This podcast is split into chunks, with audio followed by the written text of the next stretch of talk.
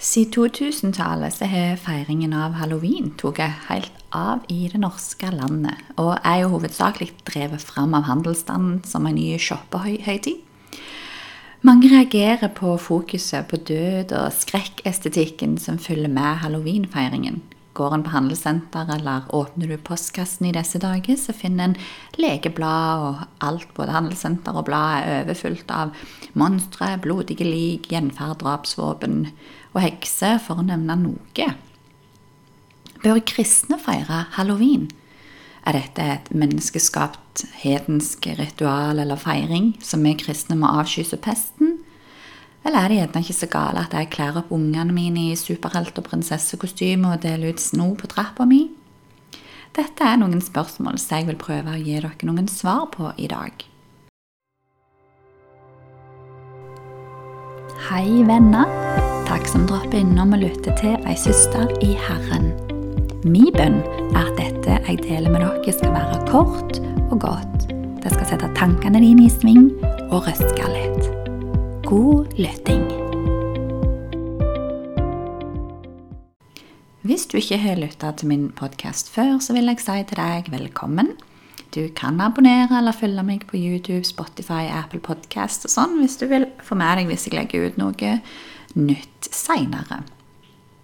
I mange år så har folk spurt meg hva jeg syns om halloween, og om vi bør joine inn på dette som har blitt mer og mer populært i Norge.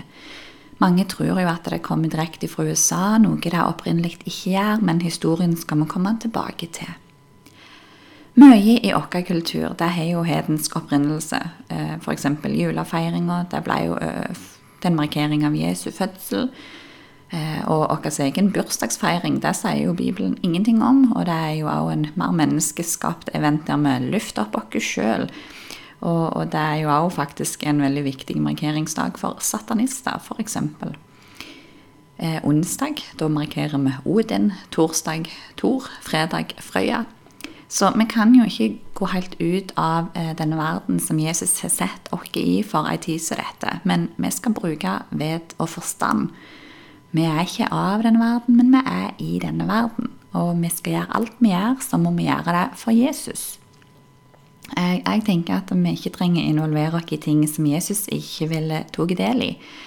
Bibelen sier at vi skal stå imot det vonde, og vi skal holde fast på det som er godt. Og så har vi en frihet som kristne, men en frihet med ettertanke. Så kan vi spørre oss sjøl om noe har en hedensk opprinnelse, skal vi kutte det helt ut, fullstendig bare ignorere hele konseptet? For som sagt så har vi en del ting da som vi bare er nødt til å legge dødt og med det samme. Vi har julefeiring, bursdagsfeiring, Søndag det kommer fra søndag når de tilba sola. Mandag det markerer at de tilba månen i sin tid. Så det er mye ord og fraser fra gammelt som vi bruker, som stammer fra tidligere tid og, og hedensk tradisjon. Personlig så syns jeg jo at bursdagsfeiring og jul og sånt ikke plent kan sammenlignes med konseptet halloween. Um, det skal vi jo se nærmere på nå, men litt sånn spør deg sjøl hva er fruktene av det? Eh, resultatet av det sånn som det framstår i dag? Eh, jul kontra halloween, eh, bursdag kontra halloween. Vi kan spørre oss om det. Hva er fruktene av det som vi ser knyttet opp til selve eventen? Det kan jo være både positivt og negativt i alt som vi markerer av disse tingene. Med tanke på dette med handelsstand, sånn pengebruk på det, krav og press og sammenligningen som fører med mange ganger forskjell på fattig og rik. Eh, men hvor ligger hovedvekten sånn på en generell basis? Hvor, hvor tipper vektskåla imot? Positivt eller negativt? For min egen del så har jeg likt å vite litt mer om ting enn folk flest, iallfall enkelte ting. I Hosea i Bibelen han skriver i kapittel fire at Guds folk går til grunne fordi de ikke har kunnskap. Så jeg tenker at noe er det jo lurt å vite òg om disse tinga.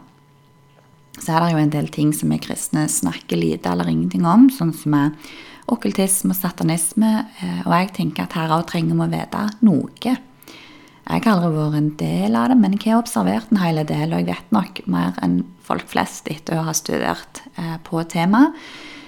Eh, folk som jeg gikk med på Tryggheim i sin tid, husker sikkert at jeg måtte presentere satanismeprosjektet mitt for flere klasser på skolen, for både da og nå så er det noe vi kristne har veldig lite informasjon om, og jeg tenker jo at det er like greit. For En skal liksom ikke vie det for mye oppmerksomhet eller for stor interesse eller ha for mye fokus på det, for jeg syns ikke staten er verdt at vi bruker noe særlig tid på i det hele tatt. Men vi kan godt vite nok til at vi respekterer det, eh, respekterer han og ikke leker med ilden. Men så skal vi på ingen måte frykte han eller ting og, og det vonde som han fører med seg når du tror på Jesus. Um, det er jo en historie om han som lå og sov Eh, en forkynner eller en eller annen brennende kristen iallfall. Eh, som lå og sov, og så våkner han på natta, og der ser han Satan sjøl står i, i, soverommet. Og så ser han på henne, og så sa han 'Å ja, er det bare du?' Og så snur han seg rundt og sover videre. Og det er litt sånn satt på spissen litt festlig, men ganske interessant tilnærming når det kommer til, til djevelen. Jeg kunne jo hatt mange episoder om disse tingene med som vi ser i dag med New Age og moderne filosofi og sånt, men vi får ta én ting om gangen, og nå er det jo halloween som står på, på døra på trappa. Så i år igjen så har folk spurt meg om hva er dette for ei greie, så nå skal jeg prøve å presentere det for dere i grove trekk. Eh, så får du sjøl, eh, som tror på Jesus, høre hva Gud sier til deg, og vise deg i, i ditt liv, og kjenne din egen samvittighet Eh, og be om klarhet og visdom i hva han mener du bør gjøre, og hva du bør sende dine unger på. Og om du lytter til dette og ikke tror på Jesus, eh, og ikke er en kristen i utgangspunktet, så vet jeg ikke om dette er episoden plent for deg, men vær så god og lytt. Men hvis du generelt heller deg vekk fra åndelige ting og snakker om det overnaturlige, så vet jeg ikke hvor interessant det blir for deg. Kanskje du tenker jeg er litt halvgalen eller noe, men ja, generelt så blir det jo en samvittighetssak for oss alle. Yes, halloween det stammer fra den keltiske feiringen som heter Samain. Eh, Samain står det om i mange verk fra middelalderen. Eh, det er en irsk, skotsk, galisk historisk tradisjon og festival. Så Derfor så stammer det opprinnelig ikke fra USA. Eh, Samain det er en av de fire største av de åtte hellige dagene, eller sabbatene, i den keltiske kalenderen.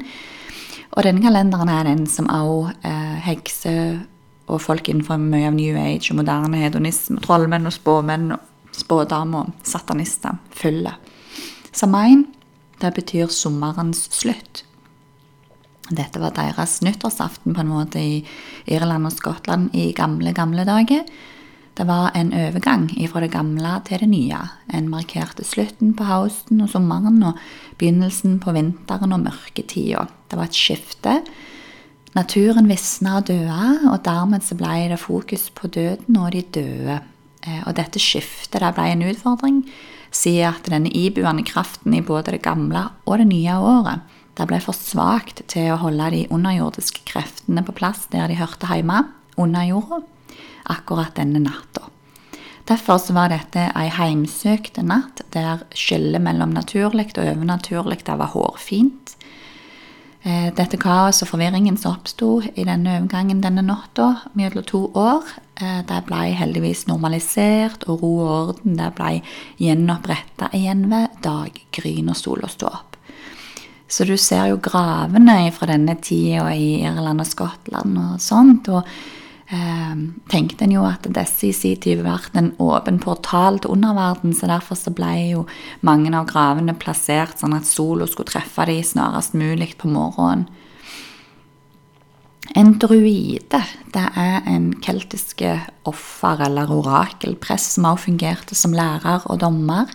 Og de leder an i disse Samain-festivalene. De tente store bål à la sankthansbål som vi kjenner til. Eh, og disse bålene skulle ha en beskyttende og en rensende effekt. Eh, og det var ritualer knytta til også denne båltenninga av druidene. Og andre bål som ble tent for beskyttelse på gårder og hei hjemme, eh, de ble tent ut ifra at en henta ild fra dette hovedbålet, og så bærte den med seg fakkelen og gikk rundt hus og gården i klokkeretning eller solretningen. Og det skulle da rense og beskytte imot dette vonde som kom denne natta. Eh, så det skulle rense lufta, kan du si. Så vi måtte puste inn røyken, da, eller en hoppet over båla for å bli renset. Eller så tente en opp to store bål, og både folk og fe passerte imellom båla eh, for å beskyttes. Og en danste rundt disse bålene, en meste, en sang. Ja. Grensa mellom vår jord og det underjordiske var så godt som viska vekk denne natta. Og åndene kunne komme inn i vår verden. så så det som var da, var at en måtte ofre for å sikre folk og fe at en klarte seg gjennom vinteren. Sånn at en sørget for å blidgjøre disse onde åndene og de døde som kom og for rundt eh, på jorda denne natta. Og de kunne ødelegge, kaste forbannelse og plage folk. Eh, så for å sikre at de ikke gjorde skade på gard og grunn og folk og fe, så måtte en ofre til dem da. De døde de vendte visstnok da tilbake til heimene sine, og derfor så dekket en på ekstra rundt bordet. La til sides mat og drikke for å ikke terge de på seg eller egle de. Eh, og druider med sine disipler de gikk fra hus til hus og gard til gard med sine disipler, og de sang og de meste. Og blæste i hodden ifra kyene eh, sine horn som de hadde lagd til, eller oksehorden. og samla inn offer som folk ga ifra seg. Um, og da um, slakta han jo budskapen som kom uh, nettopp ned ifra haia. En ga melk, og en ga kodden ifra seg. I verste tilfelle så ga folk to tredjedeler av ungeflokken sin som offer, eller deres førstefødte barn. Og det var alter da, brukt i denne ofringen av både grøten som folk ga, eh, slaktoffer, og unge og voksne ble ofra. Disse kveldene og nettene så var det mange som lagde til som slags konkurranse for å bevise hvor modige de var. Eh, og det var òg sexritualet som en del av festivalen. Eh, og litt sånn som vi setter ut grøt til nissen, så setter de, setter de ut mat på trapp, wow, for å sørge for å, å eh, betjene eller blidgjøre disse døde som gikk i gatene. Så denne kvelden, 31. oktober, det var litt sånn enten-eller. Verken her eller der, verken åndelig eller naturlig. Det var mest sånn miks. Alt var ei supe. Og en måtte for all del ikke terge på seg de vonde åndene. Eh, og for å lure dem eh, og unngå å bli besatt, så var det om å gjøre å kle seg ut som de. Som de døde, for å blande seg inn med dem og forvirre dem. Eh, derfor disse herrene kostymene som vi ser i dag. Eh, derfor har vi òg dette konseptet som jeg, som kjenner til, knask eller knep, trick or treat på engelsk. Eh, sant at Hvis du ikke gir meg det jeg vil ha av snop i dag, som, så fører det til hærverk, typisk i statene. at Da får du gjennomgå. Eh, sånn som en før i tida frykta at de døde ville ødelegge hvis de ikke fikk et godt nok offer eller gave. Og òg det som ser i dag, med at han skulle se død ut, med Sånn som mange ser av kostymene i dag, at en har skjelett og spøkelse og Frankenstein og zombie og you name it en dag i dag. For å blende inn da på en måte med de døde. I andre deler av verden så kalles feiringen De dødes dag eller Døde sjelers dag. Og det er jo mer det katolske i Sør-Amerika blant med, med, de tidligere religionene og truene og tradisjoner som finnes fra Aztek og sånt i Sør-Amerika. Ja. Men her oppe da, så kom jo katolikkene eh, og inntok disse hedenske områdene av verden. Storbritannia, Skandinavia. Og som mye annet eh, som de møtte på av hedenske tradisjonelle feiringer, ritual og helligdager, så konverterte romersk-katolske prester dette til en kristen fest i stedet. Så da valgte de å flytte sin egen allehelgensaften, som pleide å være i mai, over til heller høsten, og kalte det nå allehelgensaften. Og der feirer jo kirken i Norge for å minnes de kristne martyrene eller sine kjære. Tenne lys og tenke på de gode minnene eh, fra de som har gitt vekk eh, det siste året. Og denne oppfordringen og framgangsmåten med at en godkjente og blandet inn de gamle hedenske tingene inn i det religiøse, blande det med det romersk-katolske, det var Konstantin som, som oppfordra til. Eh, sånn som en gjorde med jol, f.eks. En lot en beholde den feiringen, men en omgjorde det til en markering av Jesu fødsel istedenfor den opprinnelige juleblotet. Ja. Så har jo alt dette utvikla seg til dagens halloween. Eh, festligheten har jo en mørk opprinnelse i dag som da. Eh, det er jo ikke akkurat en feiring som vil, vil si, bringer med seg glede og lys. Eh, det spiller på veldig mye mørke symbolikk. Den mest kjente symbolske eh, er jo dette her med gresskaret. Det stammer jo også fra en mer morbide historie. Det handler jo om en som heter Jack, eller Stingy Jack. Han var en fyllik som pga. veldig umoralsk og stygg oppførsel ble oppsøkt av Satan sjøl og Satan var imponert over hvor gale denne mannen levde livet sitt. Hvordan han manipulerte og lurte folk. Så klarte han til og med Jack å spille djevelen sjøl noen puss. Eh, og en lang historie kort, så ble jo til slutt Jack, når han døde av drikkinga, verken akseptert i himmelen eller i helvete. Og han diskuterte med Satan mye, men så endte han jo opp da å bli dømt til å måtte vandre fredløst, fredløst rundt i verden. Eh, og for å kunne se noe, så lagde Satan en, en lykt til han med ei utskåren stor nepe. Så la han en kålbed oppi der, og dette skulle liksom da lyse veien for Jack. Og dette har vi òg disse lyktemennene som stammer ifra. Eh, denne historien det er gjerne en myte, ikke vet jeg, men det er jo da bakgrunnen til gresskaret som vi nå skjærer ut og setter lys i. Det er et symbol på ei forbanna sjel og en fredløs. Så derav dette navnet i USA, som blir oversatt på norsk til Jack O' Lanterne. Og også i forbindelse med grøten som Hausen hadde gitt, et dødt gresskar eh, som nå kom tilbake til liv når han setter lys i. Det døde våknet til liv igjen denne kvelden. Eks-satanister mener jo at å sette et opplyst, utskårent gresskar på trappa er en åpen invitasjon til vonde ånder Eh, å komme inn i din heim pga. symbolikken som dette har hengende over seg. Eh, et veldig mørkt band som jeg hørte på i min ungdom, den har jo f.eks. dette gresskaret til logo, og det kaller seg Halloween. Også fargene, oransje og svart, det er linka til de okkultistiske ritualene med de oransje bivokslysene som ble tent i disse seansene og ritualene av druidene. Eh, og så la de svarte duke over gravene for å hindre at de døde kunne stå opp. Yes. Um, når en feirer noe generelt, da legger en jo vinden på hendelsen og en lufter opp og priser det som en markerer i denne feiringen. En bemerker jo det som feires. Jeg tenker at en skal være obs på hva en feirer, og hva en fest dreier seg om.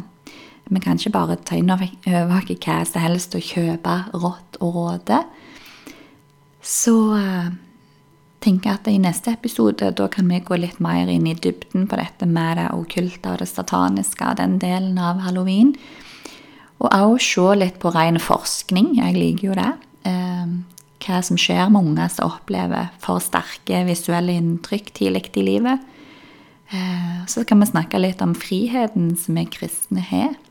Vår frie vilje, og hvordan vi kan bruke det. Og så ser en på noe som jeg syns er veldig viktig, og det er hvordan vi møter folk i dette eh, som feirer halloween. Og tror dere at Jesus ville feirt halloween? Det skal vi se litt på i neste episode. Følg med på del to. Takk som lytter. Du hørte nå en episode fra meg, ei søster i Herren. Følg og lik, del videre, og gi gjerne din omtale. Har du noen spørsmål eller kommentarer, vil du jeg skal be for deg? Du finner meg på Instagram. Her står også info til deg som ønsker å støtte mitt arbeid økonomisk. Tusen takk for ditt bidrag og for forbønn.